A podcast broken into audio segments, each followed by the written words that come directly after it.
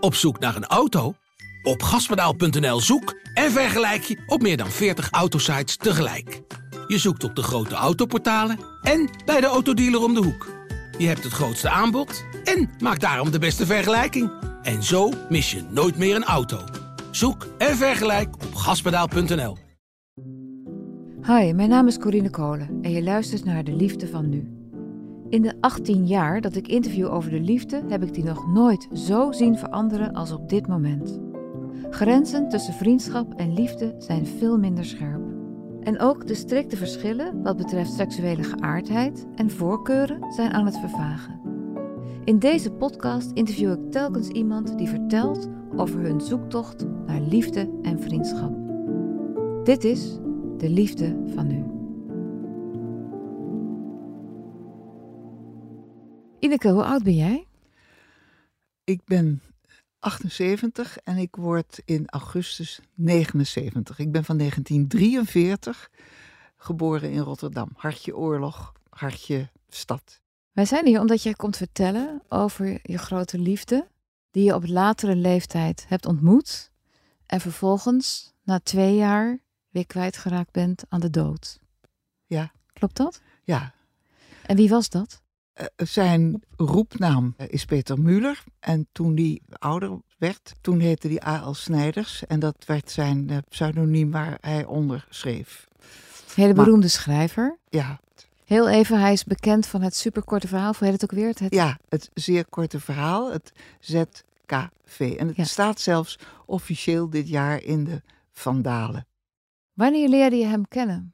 Um, het allemaal trapjes. Voor Peter was ik 44 jaar getrouwd met Hans. Het was een goed huwelijk. En Hans overleed in 2016. Uh, toen was ik 72 en nou ja, toen dacht ik, ik ben nu verder alleen en dat, ik kan me heel goed vermaken. Ik ben enigszins kind en ik, heb, ik schrijf en ik, eh, ik speel toneel. Ik zit helemaal niet op een man of vrienden of wat dan ook te wachten. Integendeel, ik heb een aardige vriendenkring en ik maak me best. Totdat ik op een gegeven moment, ik denk na twee jaar, op zondagochtend een stem hoorde bij NPO 4. Dat was een radioprogramma. Was er, werd er voorgelezen door een mannenstem waar ik op slag dacht... Mijn god, wat is dit een prachtige, wat een heerlijke stem. Ieder zinnetje wat hij zei vond ik meteen al ontzettend leuk. Grappig, filosofisch, ja, merkwaardig, uh, duister. En toen werd, werd het iedere zondag dat ik me echt verheugde. S'morgens, ah, om kwart voor negen komt A als Snijders. Nou, dat sukkelde zo'n beetje drie maanden, twee maanden door. En uh, op een gegeven moment toen dacht ik, ja, hoe kan ik die man, die zou ik dolgraag willen ontmoeten. Maar ja, hoe en wat en waar. Ik had wel gehoord dat hij ook weduwnaar was en in het oosten van het land worden. Totdat hij op 3 maart 2019 zei hij s'morgens door de radio en vanmiddag treed ik op of hou ik een lezing in de Rode Bioscoop in Amsterdam. Toen dacht ik, dit is mijn kans. Dus ik naar smiddags naar die Rode Bioscoop. En het was uitverkocht en ik, ik dramde. Dus ik moet absoluut, al ga ik op de grond zitten, ik moet hier een plaats. Ik wil dit meemaken. Nou, na afloop dacht ik nu de stoute schoenen en naar hem toe. Wat dacht je? Wat zei je? Ik had gehoord van, van vrienden, er is een graslijst. Dat betekent dat als je op zondagochtend naar die column van A.L. Snijders hebt geluisterd, dan kan je daar je op abonneren. En de uitgever stuurt dan die column meteen per mail naar je toe. Dus ik dacht, ha, ik heb een vraag. Dus behalve dat ik zei, dag meneer Snijders, wat was het leuk vanmiddag? Of vond u het leuk? Ik zei, ik heb nog een vraag, kan ik op de graslijst komen? Ja, zei hij, eh, dat, dat kan. Eh, geeft u maar uw uh, e-mailadres. Dus ik was doodzenuwachtig en ik zei, ja, potloodje en papier. Ik liet mijn potloodje vallen en toen zei hij, nou, u bent wel lenig, want ik bukte heel snel. Daar moest ik al erg om lachen. En toen zei ik, ja, maar ik ben al 75 hoor. Toen zei hij, oh, nou, dan bent u maar zes jaar jonger dan ik. En dat was een heel raar, kort dialoogje. En er zat een soort bandverbond, iets raar of ik interpreteer het, maar iets intiems al in. Van we gaan vergelijken hoe onze leeftijden zijn. Het was een, nou ja, een dialoogje van niks. Toen is er een, een, een, uh, korte mailwisseling ontstaan. Ik eh, vond mijn eigen gedrag, want ik voelde nu wel steeds meer fascinatie en hartkloppingen. Als ik een, een e-mailtje kreeg, dan dacht ik, hier moet ik mee ophouden. Dus ik eh, had een gele, zo'n post-it dingetje. En daar schreef ik op BHJI, oftewel beheers je Ineke. En dat plakte ik op mijn computer. Waarom? Waarom moest je je beheersen van jezelf? Omdat ik dacht, ik moet niet als een, als een bakvis denken dat die man mij speciaal vindt. Of dat ik als ik thuis kom kijk van heeft hij weer wat geschreven. Dan moet ik me ophouden. Waarom dan? Ik, ik, ik dacht, ja, dan ben ik nu. Toen nog dacht ik, mensen op mijn leeftijd zijn oma of zijn uh, moeder, oma, kleinkinderen. Uh, nou, ik, ben, ik ben alleen, ik heb geen kinderen en ik heb ook geen familie. Dus, um, maar ik vond het te, te afhankelijk. Dit is eigenlijk een karaktertrek waar hij erg om moest lachen. Die tegenstrijdigheid dan, kennelijk. Koud had ik BHJI, beheers je Ineke, geschreven. Ik plakte het op mijn deksel en ik deed meteen de deksel open van mijn computer en ik schreef mag ik een keer een kopje koffie komen drinken? Met de gedachte van, dit wil ik ontzettend graag. En ik ben wel idioot als ik, als ik dat niet gewoon mijn wens uitspreek. Hij kan nee zeggen. Dus alles wat ik eerst nog een beetje puberaal achterdacht, je mag niet, je mag niet hopen en wensen en achter een jongen aanlopen, dat gooide ik allemaal overboord. Kwam er een datum en die datum, dat was voor ons een beetje een heilige datum geworden. Dat was 11 mei 2019. Ik zou dan met de trein komen naar Lochem en hij zou me afhalen. En nou, drie keer overstappen en ik dacht altijd, oh god, oh god, als die aansluitingen maar kloppen. Nou, 11 uur 21 kwam ik aan en daar stond hij. Maar ik dacht ook weer toch dat ik mezelf een, een, teleurstelling wou besparen. Ik dacht, ja, misschien heeft die man uh, uh, maar een uurtje tijd of twee uurtjes, of moet hij naar zijn vriendin. Kortom, ik had wel een hotel besproken. Ik dacht, ik ga niet weer mies terug in die trein. Ik ga me dan zelf verwennen met een aardig weekend. Enfin, ik, ik, ik, ik kwam dus aan en toen zei hij, hoe stel je je deze dag voor? En toen dacht ik, het woord dag, het woord dag, dat betekent een aantal uren. Dus er ging al een zucht van verlichting door me heen. Ik dacht, oh, hij heeft de tijd. En toen zei ik, ik heb geen idee. Ik merk het wel. Toen zei hij, dat is goed. Dan ga ik je een heleboel mooie dingen laten zien. En toen is dat een dag geworden met een gesprek van, laat ik zeggen, half twaalf s morgens tot half elf s avonds, non-stop. Waar ging het gesprek over? Het gesprek ging over onze levens. Maar al heel gauw lieten we dat ook los. En gingen we over literatuur praten en over geschriften en gedichten en uh, de natuur. en eigenlijk werd toen al de toon gezet zoals we die twee jaar ook al door met elkaar spraken. En toen bleek dat hij de volgende dag naar Amsterdam moest, naar verjaardag. En toen zei hij, je kan meerijden. De volgende ochtend toen hoorde ik hem op de radio weer, want het was zondag. En toen zei hij, ja, ik heb een, een dame ontmoet en die ga ik straks de bossen laten zien. En daar ga ik straks mee wandelen. Dat is, een heel, dat is heel bijzonder. En we hadden om tien uur afgesproken. En ik ging naar beneden in het hotel, al om half tien. En toen gebeurde het wonder, wat ik een wonder vind. Toen liepen we van het hotel naar zijn busje. En toen halverwege liepen we zo. En toen zei hij, Ineke, ik ben hartstikke verliefd op je en ik ga je straks kussen. Nou ja, daar was ik zo van uh, ja, oh, ik, ik wist niet wat ik hoorde. Ik wist niet, ik kon ook niks zeggen. Ik kon niet zeggen, oh wat leuk, oh wat fijn. Hè? Ik zei niks. En dat, dat overkwam me vaker, omdat hij zo extravert was wat betreft zijn ja, laat ik het maar noemen, eh, liefdesverklaringen of wat hij ervan vond van onze omgang, dat ik er heel vaak. Dan zei Je zegt niks. Nee, ik, ik, uh, ik weet niet wat ik moet zeggen. En dat was met dit ook. Ik zei dus niks. En toen kwamen we aan in Amsterdam. En toen zei ik: uh, Nou, ik stapte uit en ik liep zo om. En omdat het een busje was, waren we op ooghoogte. En nou, toen zei ik: Nou, dag. Toen kwam de eerste intense dubbele, dubbele tongzoen. Dubbele en, tongzoen? Ja, nou ja, ik bedoel twee keer. Oh, Oké. Okay. Dubbele, dat is wel heel...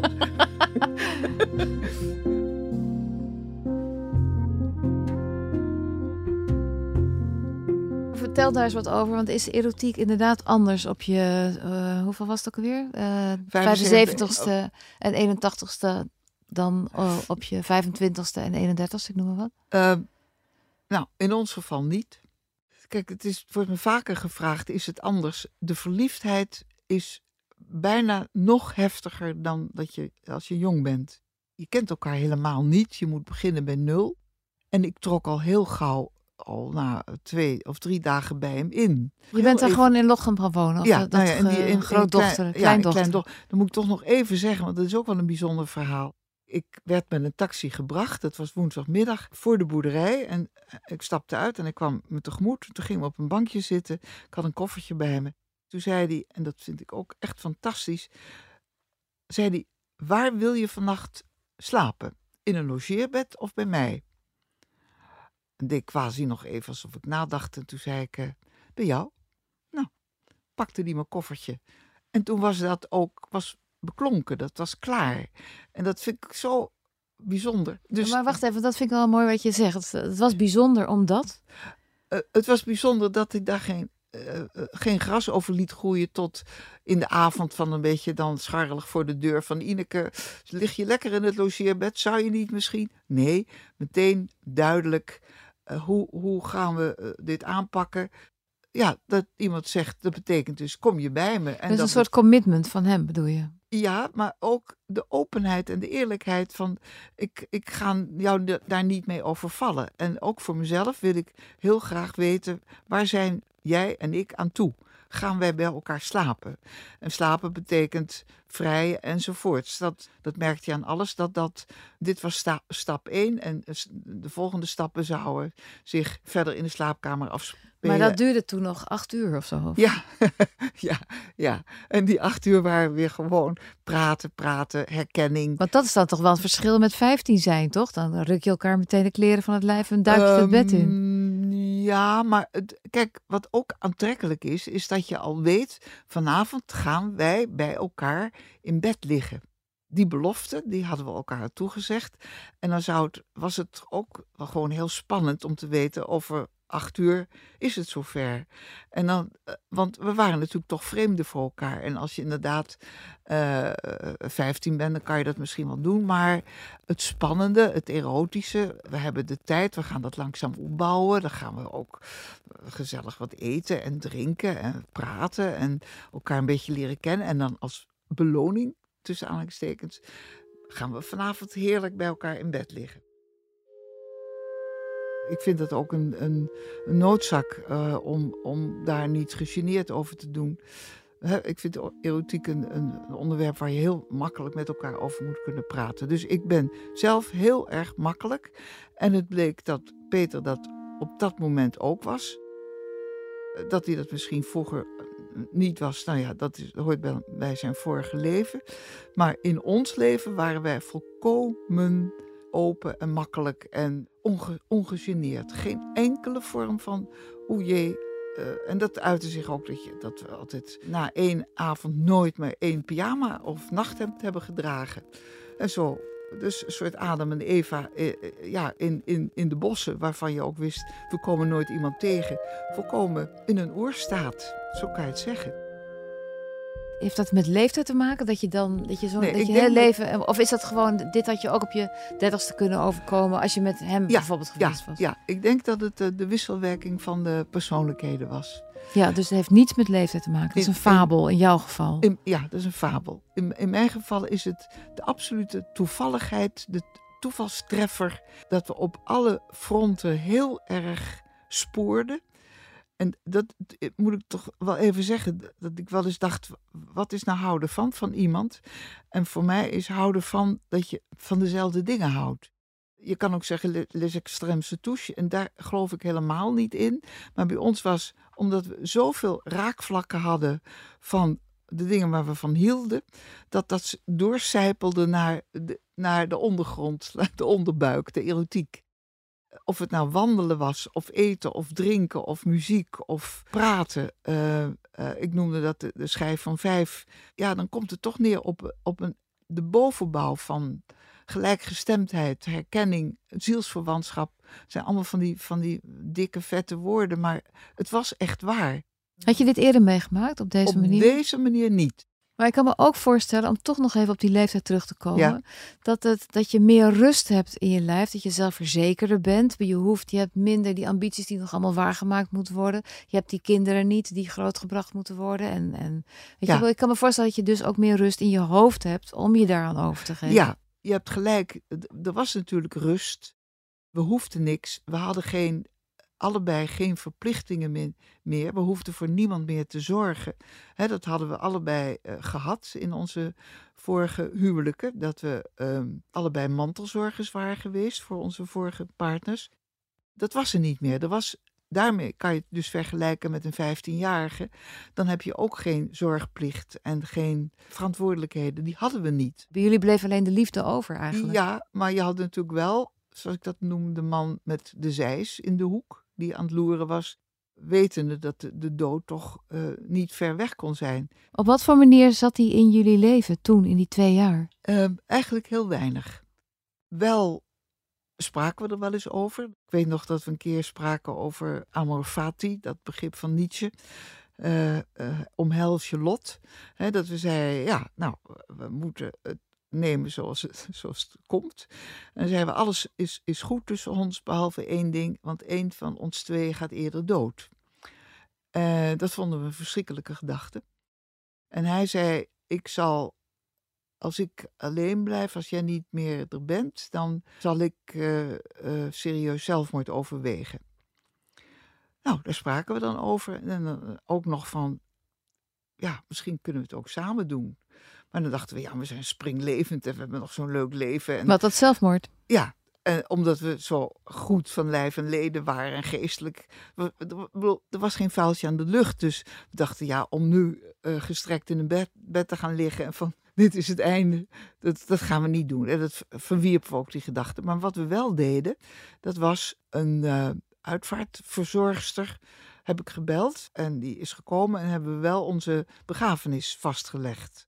En dat was een dossier, het was een, doodsdossier. En dat legden we in de kast, niet wetend dat we dat een half jaar later zouden nodig hebben. Omdat hij toen inderdaad van de een op de andere seconde dood was.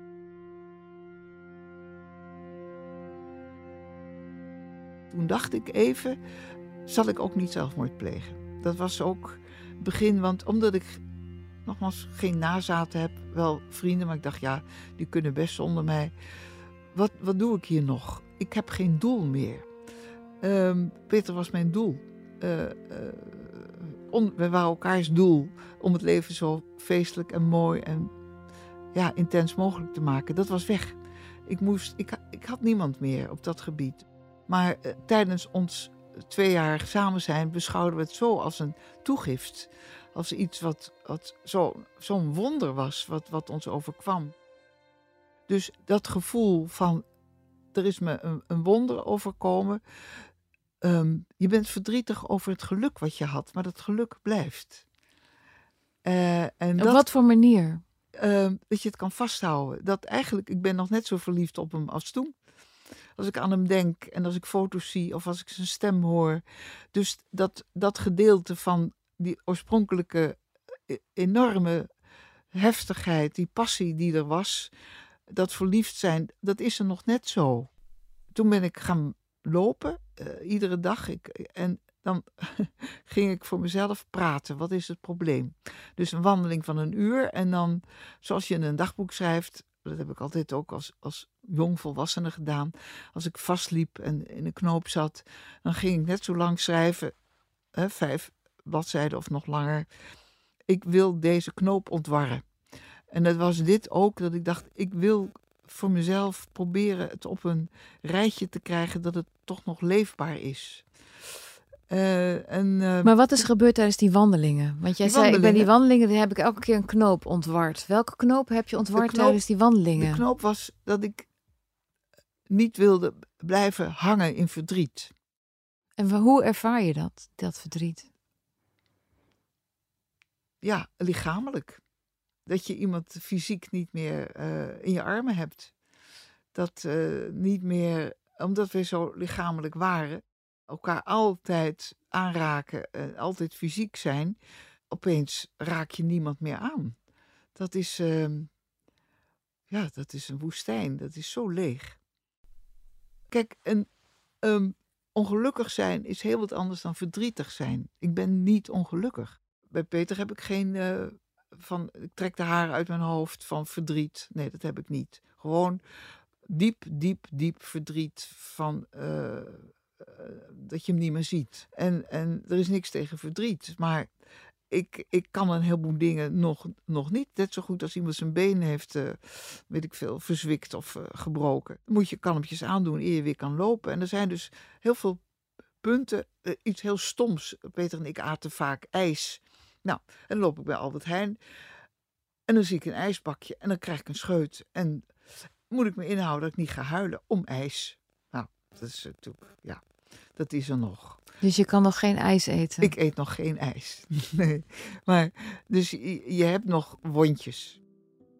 Maar het ongelukkig zijn zit niet in mijn systeem. Dat heb ik gehad toen ik jong was. Dan was ik echt wel. Dus ik weet heel goed wat het is om ongelukkig te zijn.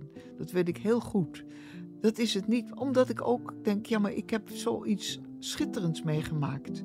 Hoe kan ik daar, um, daar ben ik verdrietig over, maar niet. Ik, ik heb een hoofdprijs gehad.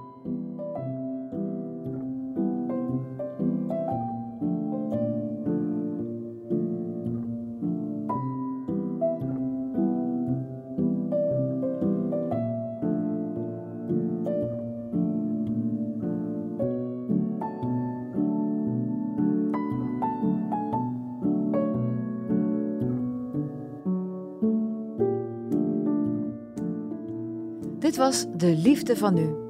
Voor het volgende seizoen zijn we opnieuw op zoek naar nieuwe mooie verhalen. En in het bijzonder ook naar verhalen over vriendschappen. Wil je meedoen? Mail dan kort je verhaal naar de liefde van nu volkskrant.nl. Mijn naam is Corine Kolen. Ik maak deze podcast samen met Mona de Brouwer, tevens editor. Eindredactie en coördinatie is van Corinne van Duin en de begin- en eindmuziek is gemaakt door Juriaan de Groot. Dank je voor het luisteren.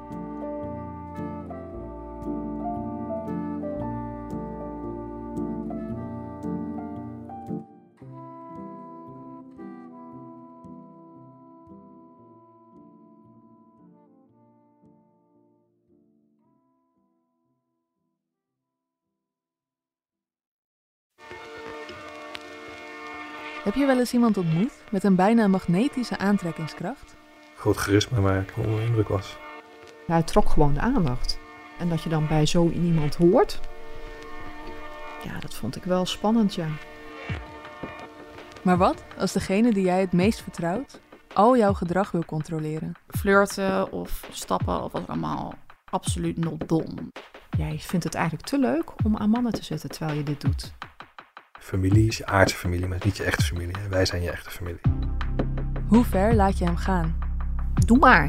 Ik kan geen nee zeggen tegen jou. Het was zo'n rare wereld. Straks kunt hij hem door zijn kop. Dacht ik echt. Iedereen praatte op je in dat dat de waarheid was. Dus ga het maar zien. Dit is een soort God. Een podcast van de Volkskrant. Mijn naam is Simone Eleveld en samen met Anneke Stoffelen onderzoek ik hoe het kan dat een groep slimme mensen hun leven liet bepalen door één man. Alles waar ik twaalf jaar lang in geloofd heb, is gewoon allemaal een leugen. Een soort God. Te beluisteren vanaf 23 oktober. Zin om op pad te gaan? Leukstetickets.nl gids je naar de leukste uitjes. Een pretpark, musical, dierentuin of een nachtje weg? Start je zoektocht op leukstetickets.nl.